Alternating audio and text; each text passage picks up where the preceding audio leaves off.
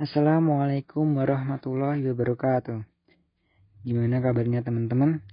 Semoga kita senantiasa diberi nikmat kesehatan jasmani maupun rohani. Kali ini saya mau mengajak teman-teman buat cerita-cerita dikit tentang kejujuran, terutama pengalaman PAT kemarin atau penilaian akhir tahun. COVID-19 mengharuskan para pelajar untuk stay at home. Bahaya dong kalau nggak di rumah aja. Tapi para pelajar tetap harus sekolah nih.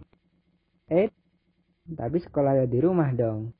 Pastinya selama KBM di rumah ini, guru memberikan materi kepada para siswa adalah ya yang jadi malas belajar. Karena di rumah itu bawaannya pengen rebahan terus. Ya kan? Di samping itu ada juga yang udah berusaha memahami materi, tapi tetap aja nggak paham. Karena guru jarang jelasin.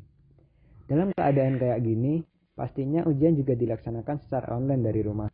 Hmm, BTW kalian ada pengalaman apa saat menjalankan ujian online? Pernah nggak kalian telat ngumpulin jawaban? Kasian deh harus ngumpulin jawaban ke sekolah. Apalagi kendala ujian online. Sinyal jelek. Bangun kesiangan. Atau tiba-tiba kebelet jadi waktu ngerjain kepotong. Hahaha. nah ngomongin ujian, biasanya ada beberapa tipe orang saat ujian nih. Ada yang belajar sungguh-sungguh, ada yang belajarnya setengah-setengah, ada juga pasti yang nggak belajar. Bayangin, kalau banyak siswa yang nggak belajar dan berakhir melakukan kecurangan karena merasa nggak ada guru yang mengawasi. Hmm, guru pasti bingung dong, kok nilainya 100 semua? Mungkin para guru curiga, tapi ya nggak bisa dilaporin. Orang nggak ada buktinya kalau para siswa mencontek. Tak hanya berdiskusi atau tanya jawab, mungkin ada juga yang pakai dua gadget. Misal laptop buat ngerjain HP buat searching. Hahaha. Ada juga yang open book. Dan pastinya ada juga yang ngerjainnya ngasal alias silang indah. Kalau pakai Google Chrome apa istilahnya ya? Kalian ngelakuin yang mana? Apa mungkin semuanya? Astagfirullah. Atau nggak ngelakuin itu semuanya sama sekali?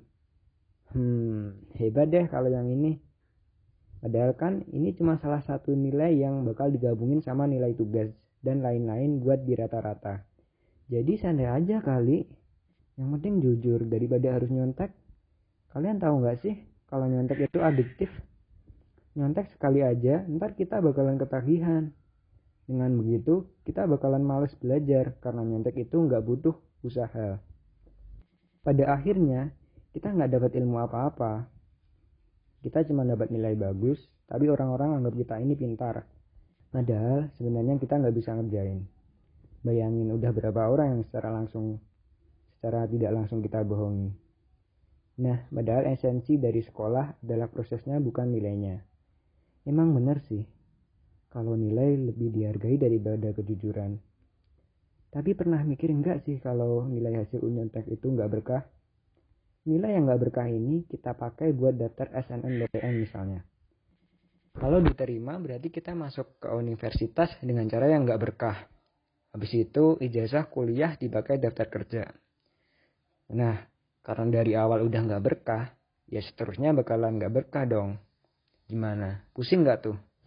Yuk istighfar bareng-bareng. Ngomongin ujian online nih.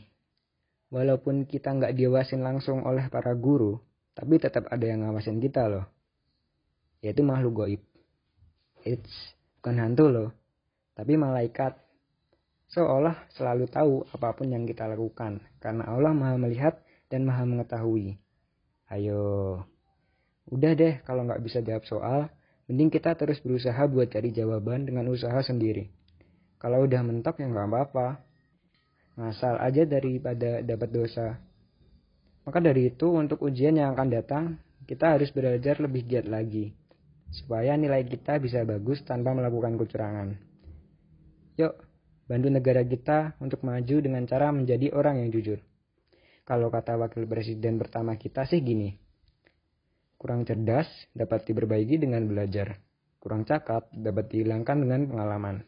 Namun, tidak jujur itu sulit diperbaiki.